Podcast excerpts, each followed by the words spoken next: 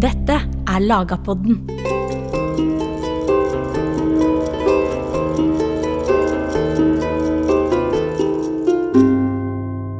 Ifølge Snorre Sturlason ble Oslo etablert av Harald Hardråde på midten av 1000-tallet. Men på det tidspunktet hadde bydannelsen allerede tatt til. I 1070 ble det etablert et bispesete i Oslo, og byen fikk delvis preg av å være en biskopsby, som vil si at biskopen dominerte byen økonomisk og politisk.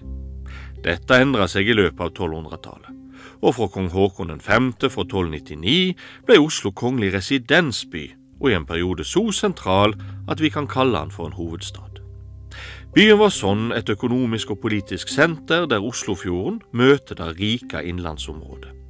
Og som andre norske mellomalderbyer vokste Oslo òg fram som en utskipningsstad for naturressurser i innlandet. Med oss til å fortelle om Oslo i mellomalderen har vi forskerne Stefka Eriksen og Egil Lindhardt Bauer fra Norsk institutt for kulturminneforskning. Du lytter til Lagerpodden, en podkast av Nasjonalbiblioteket. Mitt navn er Jørn Øyrehagen Sunde.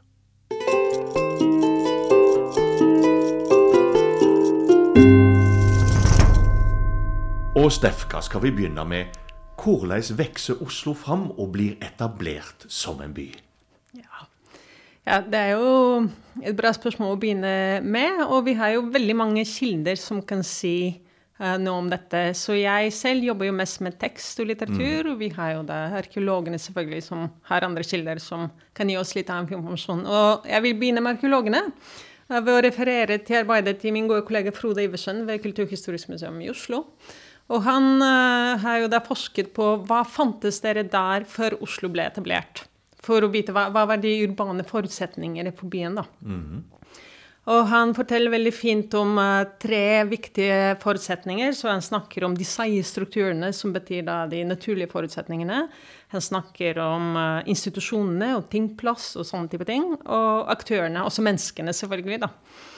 Uh, og hvis vi ser på disse tre uh, aspektene, uh, altså de seige strukturene også Oslo ligger jo veldig godt til. Det ligger i slutten av Oslofjorden. og på den måten har vi da god kontakt både internasjonalt gjennom havet, men også mot de rike landsområdene på Innlandet. så sånn sett det var et utmerket sted for handel veldig tidlig. Um, så det var, altså det, byen ble kan man si, et produkt av overskuddet fra jordbruket og fra denne internasjonale handelen. Og så er det da institusjonene, da. Um, fordi vi vet at til og med før Oslo ble etablert, uh, så var det et sentralt område for tingplass. Så det er jo veldig viktig. Um, og til slutt aktørene, altså menneskene. Uh, vi vet at i området rundt Oslo så bodde det 10% av befolkningen i Norge, og det er jo ikke så annerledes enn i dag. Mm. Så det bodde mange mennesker i området her.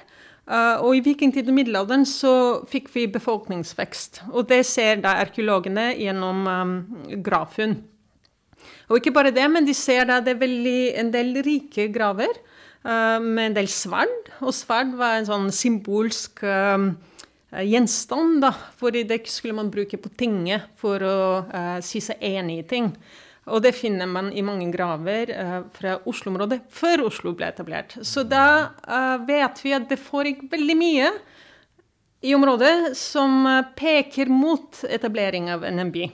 Mm -hmm. um, og så vet vi også at altså Oslo har jo ikke en sånn hedensk um, gravfelt som veldig mange andre byer fra, fra vikingtid. Så, så, vi vet at Oslo selv var jo en kristen by. Og der kommer vi til de litterære kildene, da, og Snorre Sturluson, som da skriver om alle byene. Um, og Snorre forteller uh, at på slutten av 900-tallet så var området kontrollert av den danske kongen, uh, Harald Blåtann, og ladejarl Eirik Håkonsson. Og det var da først med Harald Hardråde at vi hører om Oslo, um, og at uh, han etablerer Oslo, og han uh, Eh, vi skal lese en liten sitat. Kong Harald lot reise en kjøpsted øst i Oslo, og der holdt han ofte til, for det var godt for tilførsel der og rik landsbygd omkring. Og når er vi i tid, da, sånn cirka? Ja, så det er jo i midten av 1000-tallet. Mm.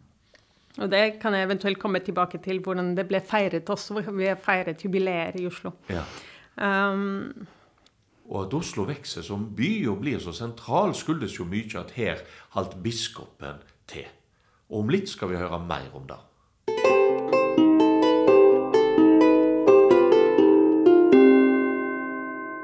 Men Stefka, du nevnte at eh, Snorre skriver om etableringen av Oslo. Men kan vi virkelig stole på Snorre? ja. ja. det er jo et veldig godt spørsmål. Vi har jo veldig lyst til det, fordi han forteller jo sånne veldig helhetlig fortelling om eh, Norges historie.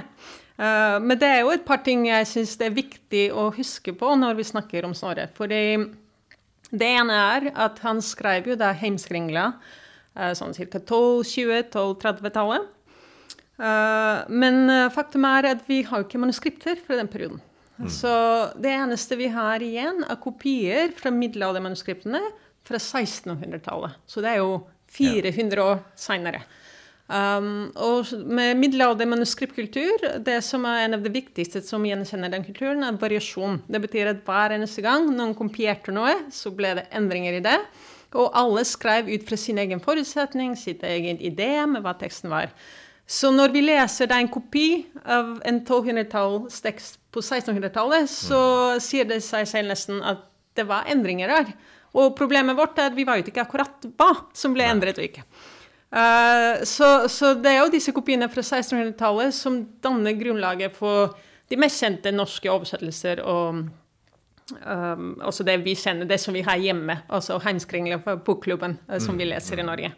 Um, så det var det ene. Uh, det andre er, særlig når vi snakker om byene, altså hva Snorre forteller om ikke bare Oslo, men de andre middelalderbyene, er jo at han skrev som sagt på 1200-tallet. Han bodde og jobbet på Reichholt på Island. Det var jo en veldig rikt uh, maktsenter. Han hadde tett kontakt både med augustinerne og benediktinerne. Han hadde høyt utdannelse på dette tidspunktet. Han hadde tilgang til rik muntlig tradisjon. Så alle disse faktorene var jo det som skapte forutsetninger for den historien han selv fortalte. Så det var jo ikke bare historiske fakta. Mm. um, det var kanskje noe historisk der også, så jeg, jeg skal ikke benekte det. Men det er mye, mye mer. Og det som er kanskje mest interessant for oss, er jo ideen om hva en by var på 1200-tallet. Som uh, henger sammen med helt fra Augustin sin tid. Da. Altså det er en veldig sånn teologisk uh, forklaring om byen som henger sammen med um, den himmelske Jerusalem og den varslige Jerusalem. At uh, det finnes to steder. et sted for menneskene som følger Guds normer, og et for de som ikke gjør det. Uh, og, det, er jo det MB er i middelalderen, og det er jo det Snorre har i sin, sin bevissthet når han forteller om byhistorie i Norge også. Og det kan det hende former uh, de fortellingene han har om uh, byene vi leser om. Så vi kan ikke helt stole på det Snorre skriver om etablering av byen, men vi kan stole på at den forståelsen av byen og den plassen den har i det norske riket, det stemmer veldig mye med de ideene han hadde på iallfall 1200-tallet, når han sitter og skriver. Absolutt, og han blander nok han, Vi vet jo fra å samarbeide med arkeologene, altså vi litteraturhistorikere, mm. At det er jo en del fakta som, som stemmer godt okay. overens. Uh, men poenget er at det er ikke bare det. Mm. Og når han refererer til sånn historiske fakta, så rammes det i en fin teologisk fortelling ja. uh, som gjaldt på 1200-tallet. Og når denne byen blir etablert på midten av 1000-tallet, Egil, så hvor blir han plassert i landskapet? Hvor ligger Gamle Oslo? Gamle-Oslo ligger jo i eh, som, den bydelen som i dag heter Gamlebyen. Ja. Eh, mange kjenner jo, navn, eh, kjenner jo, området som Sørenga. Mm. Men det er jo egentlig en anakronisme når man snakker om middelalderbyen. For det er jo fra, fra etter at byen ble flytta til, til Kristiania. Men altså, det ligger på en, en tange da, ved Alnaelvas utløp. Nord for nordover mot Hovindbekken. Eh, så det er den nordre avgrensningen. Ja. Og, så, og, så, følger den da mm, østover der hvor Alnaelva skrår mot, uh, mot nordøst. Og så er det, og så er det Bispevika i, og, altså fjorden da, i vest. Mm. Så det er et ganske lite område. Det er, bare noen, det er snakk om noen sånn 350 mål omtrent. Eh, altså, nå, da snakker vi om byen på sitt største, da. Ja, ja, Men, for den vokser jo gradvis fram da, fra dette Eh, der hvor kongen har sitt anlegg på, eh, på Øra. Det er mer presist å snakke om. Eh, denne, denne landtangen ved, ved utløpet av Andelva. Mm. Og så sprer den seg, da. Det er jo, og det er jo Gatene er jo et viktig strukturerende element. Og man regner jo Eh, Østre Strete, Eistrastreti, som, eh, som en av de eldste gatene. Mm. Og den har man faktisk aldri funnet arkeologisk, men, mm. men, man har plassert den da, indirekte gjennom andre strukturer som kirkegårdsmurer, benevnelse i skriftlige kilder. Så man regner med at den gikk da fra omtrent der hvor Saksegården ligger i dag, eller, og litt lenger nord Geitabru, og så nordøstover mot Halvardskatedralen. Og så er det litt spørsmål om ja, endte den i et torg, eh, eller fulgte den eh, kirkegårdsmur nordøstover og ut av byen den veien. da. Ja. Eh, og så har vi en annen veldig viktig gate. Det er jo eh, Biskopsallmenningen. Ja. Som gikk da fra det høyeste punktet i byen, hvor biskopen hadde sitt sete. Ja. Og det var jo egentlig den beste tomta i byen. Mm. Kongen holdt til nede på Øra. Uh, stormflo og oversvømmelser og uh, fiender som kunne seile skipene sine rett inn på, uh, på tomta hans. Ja. mens biskopen da holdt til på det høyeste punktet, hvor disse, noen av disse viktige gatene møttes. da. Men før vi går videre på byens struktur, så er det én ting vi må få avklart, som du var inne på i stad. Altså, det er jo forholdet mellom Oslo og Kristiania. Fordi mellomalder og Oslo ligger jo ikke der Kristiania etter hvert skal vokse fram. Kan du bare fortelle oss forskjellen på de to, og hva som skjer på 1600-tallet? Mm. Det er mange som ikke vet dette her. Ja. og det er jo eh, egentlig en fantastisk historie, og noe som gjør arkeologien i Oslo veldig spesiell. Fordi Oslo brant jo en rekke ganger. Mm. Men den 17. august, min bursdag, 1624, ja. Ja. så, så brant byen, eh, det meste av byen. Og da var det jo eh, kong Kristian 4. Eh, som, som, bestemte at byen skulle flyttes til den andre sida av, av, Bjørvika. Ja. Altså nedenfor Akershus festning. Og det vil jo si at, og da ble den etablert med sånn klassisk kvadratisk rutenett. Og den gamle Oslo ble da Åkerland administrert eh, fra Ladegården. Ja. Eh, Oslo Ladegård. Og som da skulle forsyne festningen med landbruksprodukter. Så, og det som, for, Fra en arkeologisk ståsted så er jo dette veldig heldig. fordi det gjorde jo, At byen ble flytta, gjorde jo at øh, Det som har skjedd i veldig mange andre byer, er jo at øh, arkeologien er blitt gravd bort av, øh, av kjellere i, i, bygårder bygd på Ja, egentlig i moderne tid. da. Men det har jo ikke skjedd i Oslo. Fordi byen ble flytta, og så vokste den seg gradvis ut fra der hvor kvadraturen er i dag, da, og Kristiania. Så, så, gamle Oslo ble jo etter hvert da en, eh, en eh, ja, mer en sånn forstad. da. Ja, ja. Eh, og så, så, var det selvfølgelig fra midten av 1800-tallet så kom jo jernbanen og gjorde sitt uh, inntog i, uh, i gamlebyen. Og da var det jo ganske mye arkeologi som, eh, som forsvant, men samtidig også en del eh, ruiner osv. som ble funnet. Ja. ja. og hvis jeg kan bare mm, legge til, da kommentere det, det, det, at byen ble flyttet, det er også fortsatt en del av historien i Oslo. fordi det, det årstallet 1624 har jo blitt brukt til å feire uh, Oslo-jubileum. Og det er jo allerede i 1924 feirer man da 300-årsjubileum. Um, og det, på dette tidspunktet så hang det veldig godt sammen med um, altså frigjøringen fra Sverige i 1905. Ja. Så da tok man anledningen til å uh, feire uh, byen. Og så da var det også at det riktige navnet Oslo uh, ble jo tatt opp igjen. Ja. og vi forbereder jo oss for å feire 400-årsjubileum i 2024. Oslo har jo da hatt andre jubileer også, og det er også en interessant måte å Um, huske på hvordan, hva er det Oslos historie folk i Oslo har husket. Så f.eks. 1950-tallet feiret man 900-årsjubileum. Ja. Um, og det henger sammen med Snorre da, igjen, og hans fortelling om Harald Hardråde.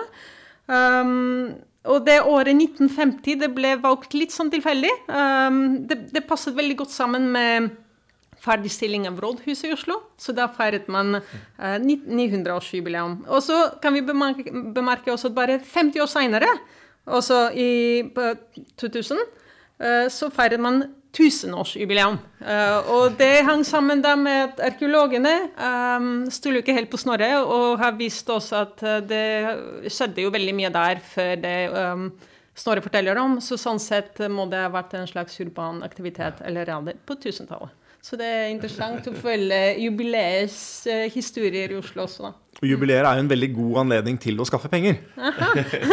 Enten til eh, Ja, for eksempel, altså det er jo et resultat eh, Altså Middelalderbyen, eller Middelalderparken som vi ser i dag, med vannspeilet, er jo et resultat av det, da. Mm. Eh, at Erik Skia klarte å få eh, altså arkeologen Erik Skia som ja. klarte å få eh, dette vannspeilet etablert, som, som, skal da illustrere høymiddelalderens vannstand. Ja. Og uten det vannspeilet så er det ganske vanskelig for, en, for dagens Oslo-borger å skjønne hvor byen stopper i vest. Mm. Altså Hvis man beveger seg oppover altså i gamlebyen da, mot øst, altså Arups gate og opp der, så, så, er det ikke akkurat lett å se at man står i en middelalderby. Men denne mellomalderbyen den er jo eh, etablert på midten av 1000-tallet, eller rundt da i alle fall. Eh, og som du sier, Egil, altså biskopen sin borg, biskopen sitt palass, er det vel rettere å si, det er veldig sentralt plassert. Og det er jo fordi biskopen er en sentral figur i Oslo tidlig. Kan du fortelle litt om hans rolle i forhold til byen og byens etablering? Ja, altså um, Som jeg sa, han fikk den viktigste, eller hadde den viktigste ja. tomta i byen. Og, ja. Uh, og du får Bispalmenningen, som er hovedgata i byen, ifra der. Ja, unnskyld. Ja, ikke minst. Og, og uh, man, man, får Altså, framfor um, Altså, kongen var jo mer Altså, var jo et reisekongedømme, mm. mens biskopen var jo, hadde sitt sete, ikke sant. Mm. Så det var du inne, inne på innledningsvis også. Så, og det var jo et enormt mye makt og eh, penger i, eh, i kirken. Mm. Så, så, Oslo var jo da et viktig sted hvor, eh, hvor biskopen kunne da ja, administrere sitt, sitt omland. Da. Så det jo, kom jo Hamar etter hvert i forbindelse med, med erkebispesetet osv. på ja. midten av 1100-tallet. Men det var jo da i gode 80 år da, at, at Oslo-biskopen da hadde da kontroll over et, et, større område der. Ja. Ja, og det er jo, det er jo en del uh, I faghistorien så er det jo en del som mener at det er det som er det viktigste for at Oslo ble igjen. Ikke mm. bare ble til, men at, uh, at det er kirken, tilstedeværelsen av kirken og biskopen som mm. gjorde det til et så viktig sted. Mm. Og eh, det er jo kanskje vanskelig for oss i dag og i hvert fall de som lever et relativt sekulært liv, da, og, forstå hvor inngripende Kirken faktisk var i hverdagen til folk. Ja. Og da tenker jeg ikke bare på eh, at man faktisk skulle betale en god del avgifter osv. Til, til Kirken, men også det, de eh, reglene som var satt for, eh, for kosthold og oppførsel og mm. ulike ritualer og ja, hendelser gjennom året. da. Ja. ja, for kirka har jo sine faste dager osv. Men men hvordan preger de hverdagen til folk når det gjelder det, det rent visuelle? Altså Hvordan blir, blir Oslo prega av kirka sin tilstedeværelse, eh, Stefka? Ja. ja. og det er et veldig godt spørsmål, fordi vi, de fleste av oss i hvert fall lever ganske så sekulært liv, så vi glemmer hvor viktig både religiøsitet og ritualer er, da, eller var i middelalderen. Uh, og det var jo slikt i Oslo også. Det var jo flere kirker i Oslo, så man kan jo bare tenke seg lyden av kirkeklokkene og det forskjellige klosterordener. Det var, det var også Menneskene som bodde i byen, ble blandet med uh, prester og altså kirkens menn. Uh, og så kan vi jo huske at kirkene, Det var jo ikke bare kirkene som var stedene for ritualene. Det var egentlig hele byen som var en slags rituell plass, religiøs plass. For i, ja, i, forbindelse med de fleste høytene så var det prosesjoner gjennom byene. Gjennom disse gatene som det, uh, Egil har snakket om. Uh, og var, altså De viktige stedene ble markert med krusifikser eller relikvier. Um, forskjellige handlinger. Så, så, hele prosesjoner beveget seg gjennom gatene fra kirke til kirke. Ofte endte de opp i Halvorskatedralen. Um, og det var en måte å um, være, å, å, praktisere da, de kristne ritualene. Um, og det er jo mange dager, i, mange høytider, palmesøndag, skindelsmesse, nå er det jo straks jul. Um, så fastetiden før jul, før påsketiden, så, så, så gikk folk slike prosesjoner, da. Um, og det er jo for å feire Gud um, og alle de hellige menn. Og så må vi bare huske at prosesjoner også var, det var en religiøs handling, men det var også um, tett tilkoblet til um, sekulærmakt, også kongen. Um, så det, det, det, var ja takk, begge deler. Ja, ja, ja. Mm. Ja, du, du, nevnte kirkeklokker, og det syns jeg var veldig fint. For det, det må, jo, må ha vært en nesten helt sånn ja, magisk lyd for, for, mange. Men jeg har lyst til å gå litt sånn rett, rett, ned på det fysiske. fordi hvor stor del, fysisk del, av byen, kirkene ja. og, og, kirkegårdene og kirkens anlegg faktisk utgjorde. Ja. Altså I Oslo, på, i høymiddelalderen, så var det, det var fem kirker og da vi snakka fra Alnaelva til Hovenbekken altså Det er lite, lite, område. Ja. Eh, det, var, eh, det, var, eh, kongens kapell, Mariakirken. Så var det Nikolaikirken. Klemenskirken, som var sognekirke for søndre halvdel av byen. Så var det Halvardskatedralen, en enorm kirke. Ja. Og så var det Korskirken, sognekirke for nordre del av byen. Og så hadde også Laurentiushospitalet en kirke, hvor det var spedalsk sykehus, blant annet. Da. Ja. Uh, og så er det selvfølgelig ja, Du nevnte jo klostrene. Det var uh, Olavsklosteret til dominikanerne midt i byen. Mm. Med, med, brødre som ja, sirkulerte blant befolkningen. Uh, og så hadde du uh, fransiskanerne på andre siden av Alnaelva, som også var ute blant folk. Ja. Og så var det de, de um, munkene som holdt seg mer for seg selv. Da. Altså det var eh, benediktinermunker på Eller unnskyld, nonner på Nonneseter kloster, som mange kjenner fra Kristin eh, Lavransdatter. Mm. Ja. Og så var det sistertjenesterne på Hovedøya. Ja. Eh, så det er, eh, altså det er jo enorme områder, og dette her er jo massive eh, steinkomplekser, ikke sant? Mm. Altså ikke, og Bispegården som fra å være en, eh, en, en treborg på, på 1100-tallet blir en, eh, en, regulær steinborg. da. Altså, ja, Skal man kalle det gård, palass Jeg vil jo kalle det borg, faktisk, på, ja, ja. på 1300-tallet. Med en ringmur som strekker seg Jeg vet ikke hvor nøyaktig hvor, hvor langt, men langt ned mot uh, sjøen. da. Ja. Så et mye større anlegg enn kongen hadde. Ja. jeg ville koble meg på klosterordene og sistensiensene, særlig i forbindelse med noe annet. og det er jo da Eh, fordi du snakker om det fysiske og bygningene. Men eh, jeg jobber jo da med litteraturen. Og ja. de var jo veldig viktige for um, en veldig sånn massiv og aktiv oversettelsesprogram. Ja. Uh, som, um, som, ble jo satt i gang av kongen. Det er Håkon Håkonsen i Bergen som begynte å promotere og bestille og støtte oversettelse av litteratur fra Europa ja. uh, på 200-tallet. Men dette fortsatte jo, og også var en veldig viktig uh, kulturell aspekt av livet i Oslo på slutten av 200-tallet. Uh, eh, så her for Oslo så må vi jo nevne dronning Efemia. som er jo kjent for å ha bestilt Efemievisene. Det er jo da oversettelse av tre fortellinger om Ivan Løveridderen, om hertug Fredrik av Normandie og sagaen om Flores og Blanceflor. Og det er jo da oversettelse uh, fra, uh, fra gammelfransk til svensk. Kanskje ja. gjennom norrønt. Mm. Det er jo uh, morsomt hvordan dronning Efemia faktisk da har fått sin egen gate ja. i, langs Barcode-rekka i dag. Ja. Og Håkon 5., altså hans, hennes, hennes, mann, har jo fått navngitt gata som går parallelt med vannspeilet. Ja. Så det viser uh, ja, hvordan man Vi ja, Fortsatt inn i bybildet. Ja. Men én ting er jo dette som du er inne på, Stefka. Altså en får eh, inn europeisk eh, kulturliv, eller mm. åndsliv, gjennom disse omsetningene. Og dette miljøet som du har rundt hoffet, som er mm. veldig ope for Europa og europeisk mm. tenking. Men hva med den jevne borger? Det er klart en får masse inn gjennom kirka sin rene tilstedeværelse. Men hva med varene? Hva foregår på havna? Hvor, hvordan kommer Europa til Oslo via vare og via handelsaktiviteten i havneområdet? Ja, det er jo øh, Altså, øh, vi ser jo veldig mye handelsvarer fra Tyskland, mm. øh, fra England og ja, Danmark. Det er så kjøkken Altså keramikk. Kopper og kar og kanner. Vi har uh, vin, fra, vin og øl fra utlandet. Hvete, ikke minst. Kjempeviktig i, uh, i, uh, i, liturgisk sammenheng. Uh, metallvarer. krydder. Vi er, vi er jo, det er jo juletider nå, og, og vi, vi, kjenner både arkeologisk, men også uh, fra skriftlige kilder så vet vi jo om uh, masse ulike krydderurter som, uh, som fant seg veien til Oslo.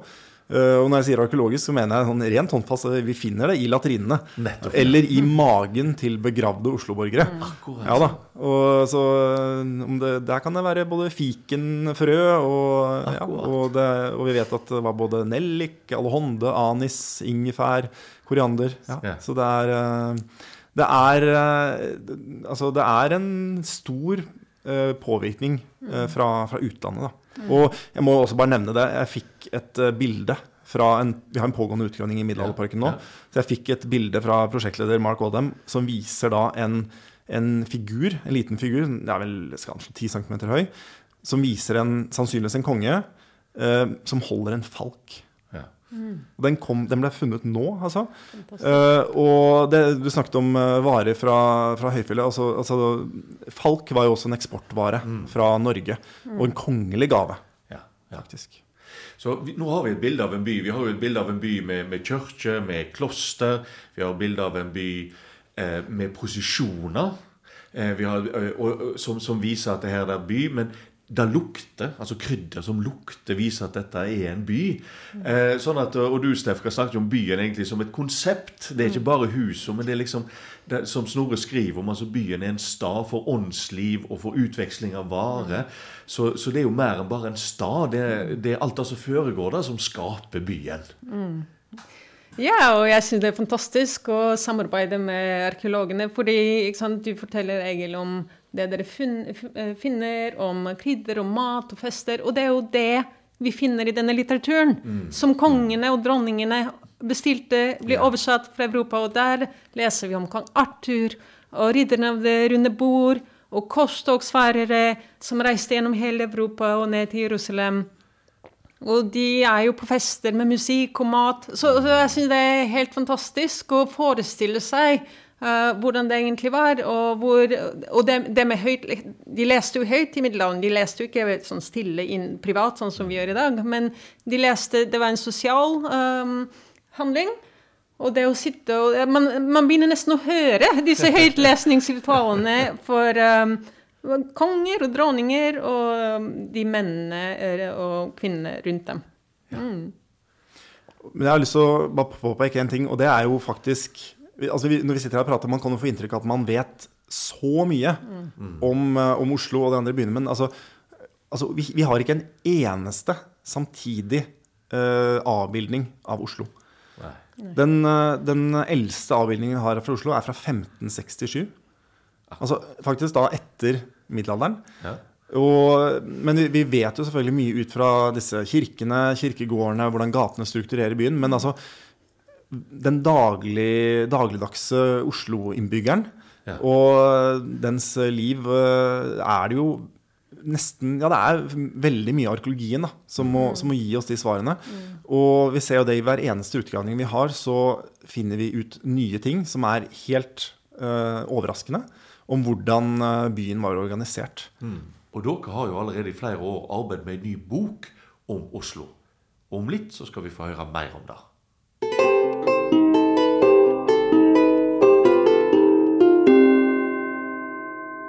Fortell om det.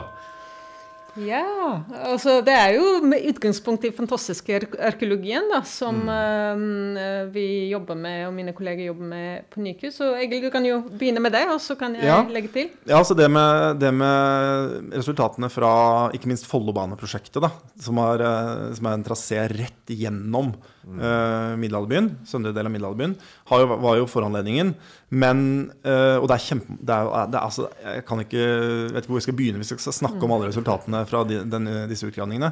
Men man må jo ikke glemme heller at uh, det har jo skjedd en masse forskning på de andre områdene. Vi har jo mm. inkludert uh, veldig mange fagfelt i denne boka. Det er jo det som er kanskje spesielt nytt med denne boka. da, mm. mm. At vi har en tekstforsker og en ikke akkurat en arkeolog, men altså, vi har ulike disipliner da, som, som, skriver sammen ja. og ser på materialet med ulikt faglig blikk. Yeah. Mm. Så det er veldig spennende. Og, så det er både det nye tanker, men også nytt materiale. Ja, ja og så vi prøver å fortelle historien om kultur. Uh, ikke bare arkeologi, men også tidligere bøker om Oslo. Vi har jo flere. Uh, skrevet av arkeologer eller historikere. Um, uh, og de refererer jo til en del av disse skriftlige kildene som vi har snakket om, som f.eks. Snorre. Uh, men nå her prøver vi å se på det. Hva ble skrevet i Oslo? Uh, ikke bare av litteratur, men også lovmateriale, diplommateriale. hva kan vi si om det visuelle, det rituelle, musikk? kristendom, religiøsitet. fordi alt dette fyller jo på. det gir litt mer substans til det arkeologene finner. Mm. Så vi prøver å fortelle en litt sånn uh, tredimensjonal, flerdimensjonal uh, fortelling. Ja. Og så er det viktig for oss å få fram de vanlige menneskene også. Mm.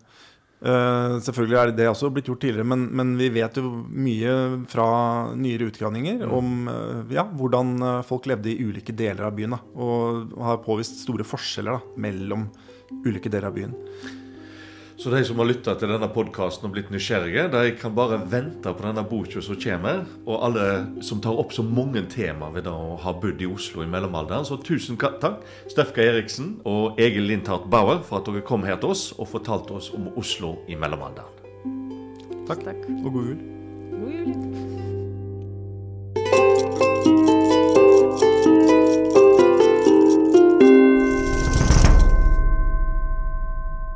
Du har hørt en episode av Lagapodden. Musikken i denne podkasten er skrevet og produsert av Øyon Groven Myhren. Hør flere av Nasjonalbibliotekets podkaster på nb.no eller i din foretrukne podkastapp.